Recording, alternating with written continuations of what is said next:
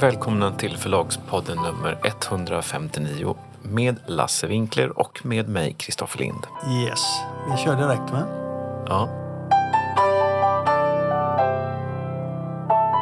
Precis nu när vi spelar in så har vi för en timme sedan ungefär fått reda på vem som vann årets Nobelpris i litteratur. Och det blev fransyskan Annie Ernaux som ges ut av Norstedts. Där kan vi knappast säga någonting, eller? Nej det kan vi inte göra. Men det är ju alltid intressant på vilket förlag som ett Nobelpris kommer ur ett förlagspoddsperspektiv.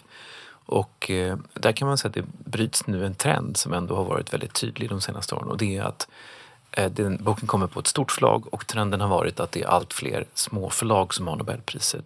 Och det är ju otroligt roligt när ett litet förlag får ett Nobelpris för det kan förändra hela förlagets ekonomi. Det eh, kastar ljus på en utgivning som kanske annars inte skulle fått uppmärksamhet. Eh, det är, för några är det som en medalj för lång och trogen tjänst. Men samtidigt så tycker jag att det är lite tråkigt om de stora förlagen helt ger upp den här typen av utgivning. Jag tror till och med att det kan vara lite viktigt för Nobelpriset att det också kommer på de stora förlagen. Även de stora förlagen kan behöva den uppmuntran som ett sånt här pris innebär. Så att jag tycker det är roligt att det går till Norstedts. Jag tänkte på en annan grej. Hur förbereder ett förlag sig inför en sån här situation? Innan man vet om att man får priset alltså. Jag tänkte jag skulle kolla det, så jag ringde runt lite. Jag fick... Eh, det beror ju på hur stort förlaget är, hur många författare man har som eventuellt kan vinna. Men jag pratade med Pelle Andersson på Ordfront. De hade ju en potentiell nobelpristagare i norrmannen Dag Solstad. Och då var det intressant, hur tänker man som förläggare? Och det gjorde Pelle någonting i år som jag tror, och du får ju säga det sen, många förlag gör. Eller borde göra. De har gett ut Dag Solstad sedan 99 och innan dess var det Norstedt som släppte honom och Nya Doxa som hade två romaner. Och själv säger han då att han hade sett ett växande intresse för Dag Solstad och därför ville ge ut några nya titlar. Och samtidigt så hörde han och tänkte på förhandsnacket till Nobelpriset. Och så ville han ta en chans att vara förberedd om Dag Solstad skulle få Nobelpriset. Så han började med att titta igenom vilka titlar man hade i lager och förberedde omtryck. Alltså, så om man hade fått Nobelpriset så hade omtrycket gått direkt då. Och så gick han igenom vilka titlar man hade gett ut tidigare där rättigheterna hade gått ut. Och så förnyade han dem som han tyckte var intressanta och som han kunde ge ut igen eller ska ge ut igen. Sen tittade han på titlar som han inte hade gett ut. För du vet, Dag Solstad har kanske gett ut 20-25 böcker, eller 30 till och med. Så tittade han på sånt som han inte hade gett ut som var centrala för författarskapet. Och så identifierade han en i alla fall och köpte rättigheten att ge ut den också. Och även förhandlade med översättare och så. Så dagarna innan nu Nobelpriset så hade han sex titlar som var mer eller mindre säkrade, varav en i lager. Och det handlar alltså om titlar som snabbt skulle kunna komma ut på marknaden i stora volymer om behovet skulle dyka upp. Och då slog det mig så här, det där var ju nästan, vad ska man kalla det, så som man borde göra som förlag. Men gör alla förlag så här? Nej, det gör de inte och eh, av den anledningen att det är så svårt. Och, alltså, de större förlagen har ju ganska många författare som skulle kunna få priset och det finns ju ett stort inslag av oförutsägbarhet och de som, har, de som oftast står högt upp och som tippas verkligen kunna få det, det är de som aldrig får och sen så blir det någon oväntad. Så det där, det där är ett vanskligt spel att försöka taktisera och eh, förbereda sig och så. Jag frågade Pelle varför han gjorde det. Och, och även om jag tycker det var bra gjort så vill jag veta varför gjorde du det. Då sa han att han var rädd för att hamna i en situation där förlagets enda kandidat skulle kunna få priset och han skulle stå där helt oförberedd med rättigheter som gått ut. Mm. Det tyckte han skulle kännas skamligt, så det ville han inte. Va? Samtidigt ville han också parera så att något annat förlag inte skulle kunna gå in och konkurrera med Ordfront i ett sånt läge. Det finns ju förlag då, som till exempel Norstedts som har gett ut innan, som skulle kunna göra det. Han tror inte att de skulle göra det, men han ville vara beredd ifall något skulle hända. Du menar att de har gett ut Solstad tidigare? Vad sa du? De har gett ut den författaren tidigare? Ja, innan 96 då. Ja, men exakt, exakt samma situation var ju Elisabeth Grate i när Patrick Modiano fick Nobelpriset. Hon hade gett ut ett par titlar av honom de senaste åren då när han fick priset. Och Norstedts hade gett ut honom för jättelänge sedan. Jag kommer inte ihåg när, men det var jättelänge sedan. Det var liksom 20-30 år sedan. Och då blev det ju så att de titlar som hon hade, de fick hon ju ha såklart. Men Norstedts förnyade rättigheterna på sina gamla böcker.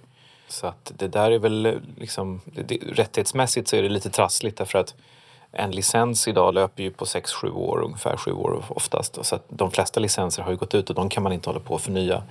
Översättningarna äger ju inte alltid förlagen utan det är liksom rätta, även där går ju liksom översättningsrättigheten tillbaks till översättaren om inte utgivning pågår och det gör den ju inte efter så, så lång tid. Så man kan ju fråga sig vem som då äger en gammal eh, titel och där har det väl funnits en praxis att liksom det förlaget som gav ut den är det förlaget som äger den men om då exempelvis Elisabeth Grate tagit över författarskapet och fortsatt att ge ut det så, ja, så är det inte helt klart hur det ska vara. Nej. Så att, där, om, man, om, om man hade backlist på Norstedts så tänkte han nog rätt. Ja, och där köpte han den största av deras titlar. Och han har också förhandlat med översättare så att han var garderad på alla, alla sätt. Men vad ska han göra nu då? Ska han ge ut alla dessa bö böcker ändå? Nej, en del av dem kommer han ge ut. Jag vet inte om han kommer ge ut alla. Eh, kanske han gör över sikt. Det beror lite grann på hur Solstadsintresset är. När han, han ska ut ett par böcker, det vet han, för den har han redan planerat innan. Så ser han väl hur de går, antar jag. Jag vet faktiskt inte. Han får återkomma med det, men han sa också i värsta fall blir det ett antiklimax och så sitter jag här med alla rättigheter. Fast det sa han ju lite med glimten i ögat. Han har väl en idé om det också. Han äger rättigheterna nu i alla fall. Mm. Så jag tror att han kanske satsar på en större Solstadsutgivning ändå. Vi får se. Vi får hålla tummarna för Solstad nästa år helt enkelt. Ja, eller hur? Men det är också spännande att tänka så här att det där man tänker sig innan Nobelpriset varje år när man får höra hur listorna kan se ut. Att fler förlag än Ordfront går ut och gör ett visst mått av förberedelser för att inte vara överraskade. Alltför överraskade. Mm.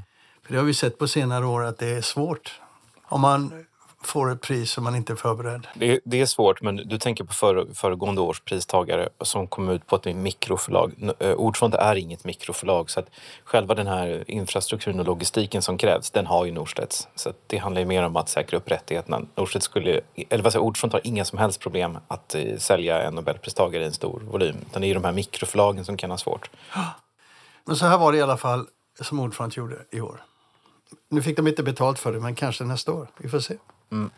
Det finns ett förlag till på den svenska marknaden som har eh, glatt sig åt Nobelprisutdelningen i år. Speciellt mycket. Mm.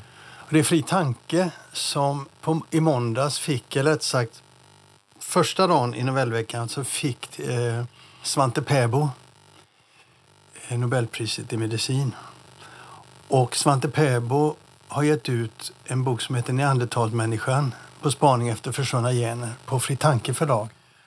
Och de hade massor av pocket nu som de räknar med ska ta slut. Och sen i jul då, inför jul så kommer de ju ut boken inbundet igen då i sin klassikerserie.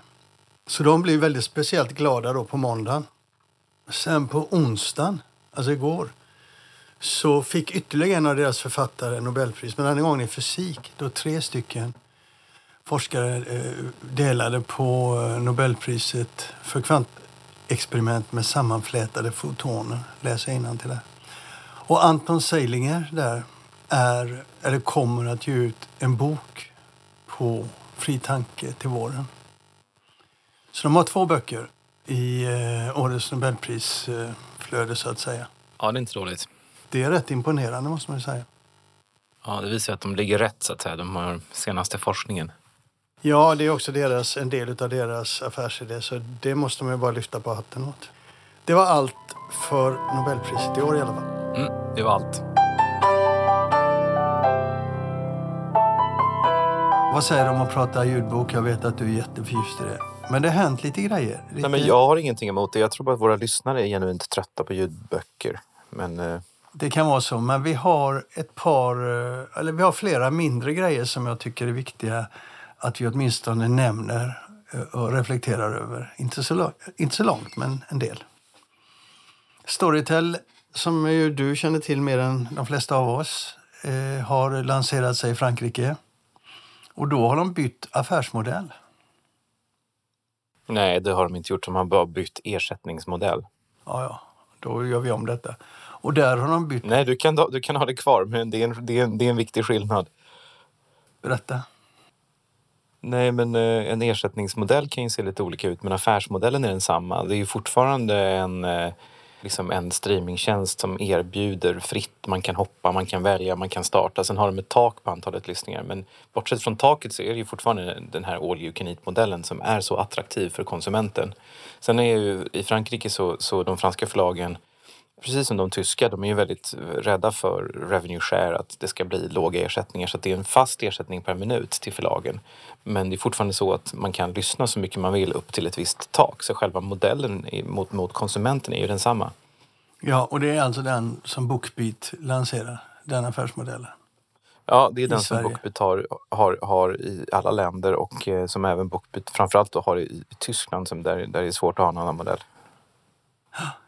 Och Bookbeat är också på väg in i Frankrike, vad jag förstår. Vad jag förstår så är de det precis. Jag vet inte, jag har inte något datum, men jag tror att de ska börja när som helst i stort sett. Det är intressant för Storytel har tre olika ersättningsmodeller på sina marknader, åtminstone som jag känner till. Det är då den i Frankrike som vi pratar om nu. Det är då eh, Revenue Share i Sverige och, fin eh, och Finland och lite andra marknader. Och sen har du i USA där de har köpt ett Eh, ljudboksförlag där det är styckförsäljning.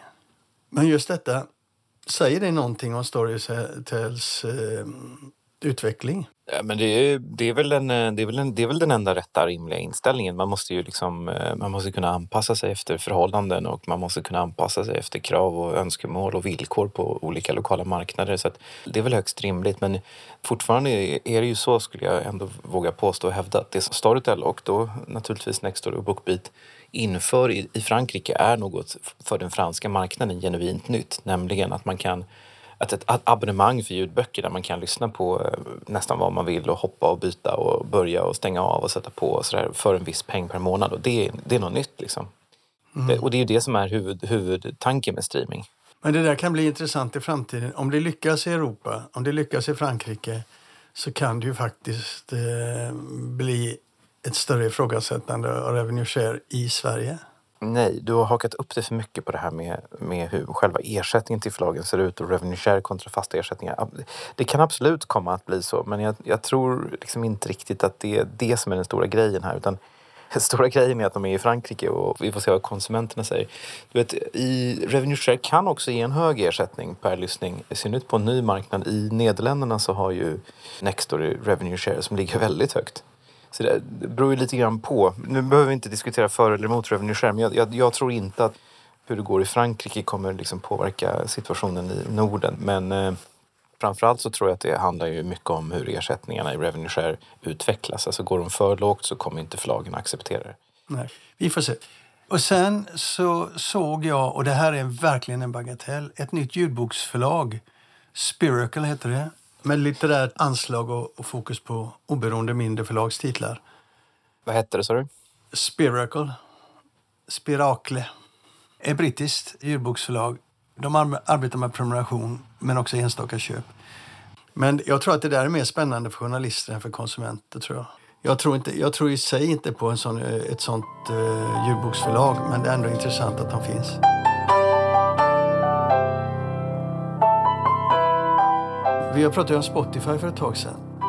Ja, nej, men det har ju pratats jättemycket om, om, om Spotify hela tiden och det kommer artiklar i tidningarna i stort sett varje vecka om, om Spotify och det skrivs ju mycket om att de ger sig in då på ljudboksmarknaden och så dras det paralleller till när de gick in på poddområdet och hur stora de har blivit på poddarna. De är ju störst i USA på poddar, vilket inte betyder lite. Och att de så att säga liksom fyller sin, sin, sin tjänst med allt mer innehåll, allt mer ljud.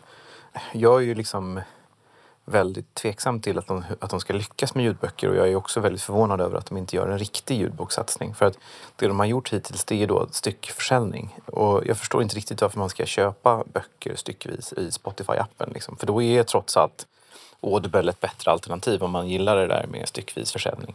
Och sen så eh, det som har varit Spotifys stora styrka det har ju varit att de var, de var liksom först och störst och bäst på streaming av ljud, alltså musik. Och det är ju, det går inte liksom komma ifrån att det är liksom det, själva det här oljekinit-grejen som är fantastisk för konsumenten för ljudböcker. Men den kommer aldrig funka med deras existerande betalningsmodell. Vi har ju några böcker på Spotify i Tyskland och jag skulle tagit reda på inför det här podden hur mycket vi får betalt men det, är liksom det, det rör sig om kanske några kronor högst per bok. Om det ens är det. Så det är liksom det är en spottstyver som, som Spotify betalar. Jämfört med andra, andra ersättningar ja. då från andra tjänster? Ja, alltså, deras ersättning, är, om, om den är tio gånger så låg så, så är det, den är ännu lägre än tio gånger så låg.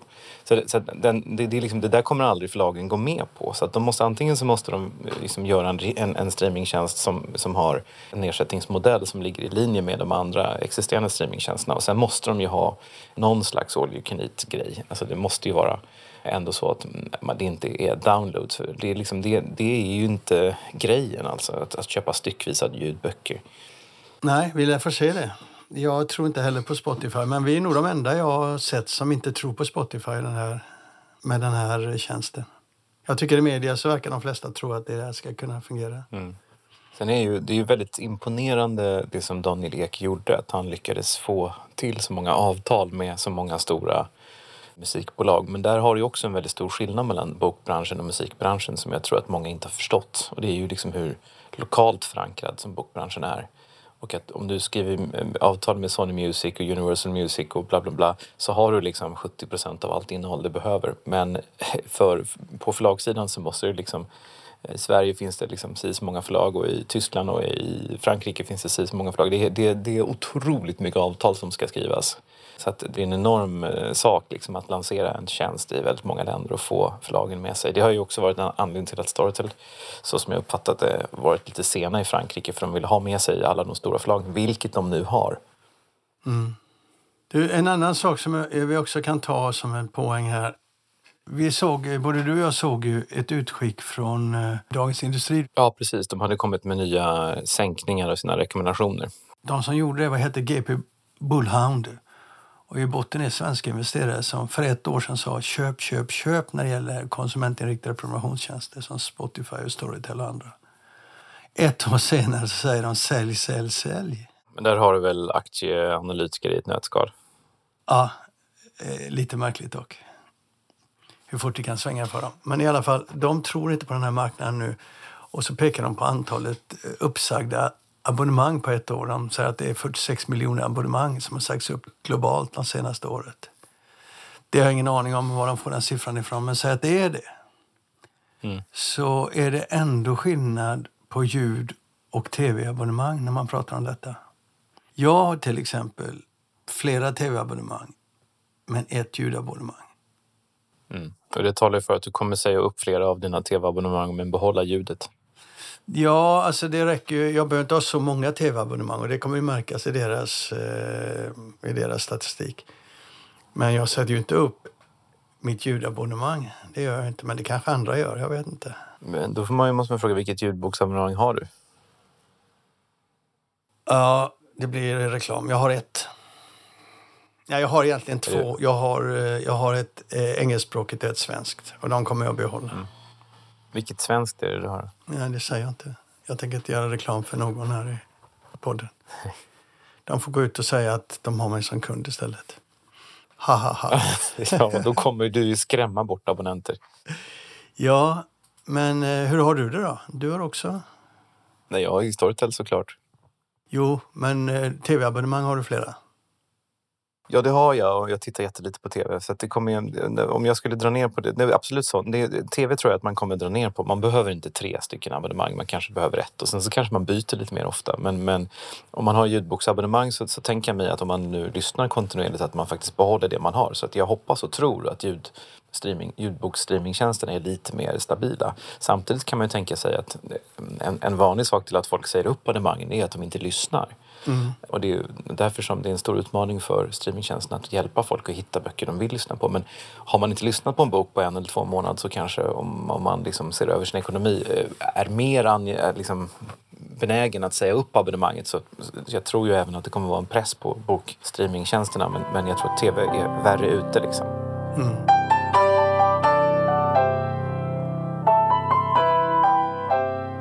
En helt annan sak. Vi har ju haft par inslag om Bokmässan nu, eh, de två senaste poddarna. Och jag pratade med eh, Tukans ägare, Christian Bang-Melchior.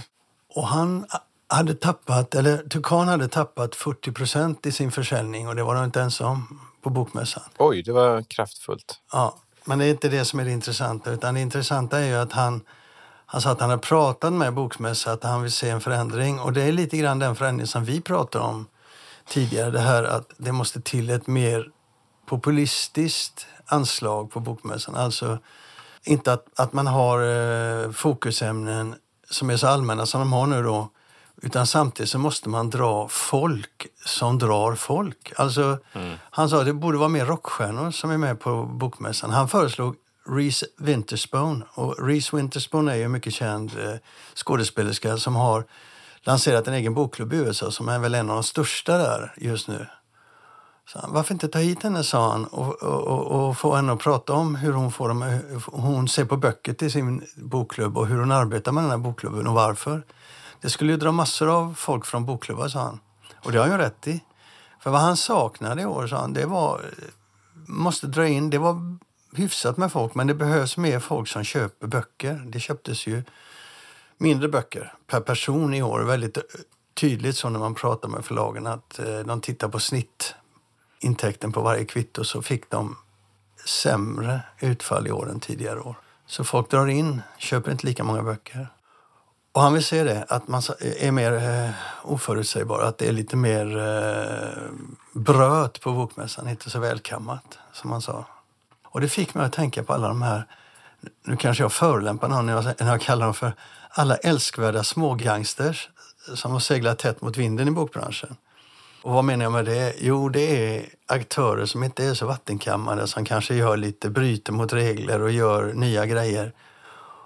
Och där det blir historier och legender runt om. De finns inte längre i bokbranschen. Det tycker jag är väldigt tråkigt. kanske ska göra en serie där vi tar upp dem, till exempel. Mm. Men jag skulle vilja se mer aktörer som bröta lite mer och framför allt lite mer spännande namn som just drar bredare massor. Och att, att just bokbranschen, eller bokmässan själv, tar i det. För det är inte säkert att de får med förlagen på det. Reese Winterspoon har ju inget förlag som drar dit den exempelvis. Men jag tyckte det är ett utmärkt förslag från eh, Christian Bangmelker. Ja, låt oss hoppas på det. Ja, vi får se. Jag tror också på den här, liksom, kom, den här kombinationen av att bokmässan ska vara väldigt folklig och väldigt elitistisk. Eh, den, den, den, den är nog helt rätt. Sen är det nog så också att vi har, vi kommer aldrig komma tillbaka till bokmässan så som den var på 90-talet och sådär. För att folk, eh, det här med att köpa böcker, det är ju någonting som förr kunde man bara göra på fysiska böcker. Man köpte bara fysiska böcker och Ehm, det var en stor sak att kunna köpa fysiska böcker lite billigt som man kan på bokmässan. Eh, idag kan man göra det på, liksom, på nätet och lite här och där. Och, och folk, det är inte samma, jag tror aldrig att det kommer komma tillbaks på det sättet men, men eh, som en så säga, fest för boken, som en, som en folklig manifestation för läsningens ställning och betydelse så visst, det, det, jag tror att det, det vore klokt. Mm. Det var allt vi hade för idag. Det var allt. Då säger vi tack och hej. Vi ses om en vecka. Yes. Hej då. Hej då.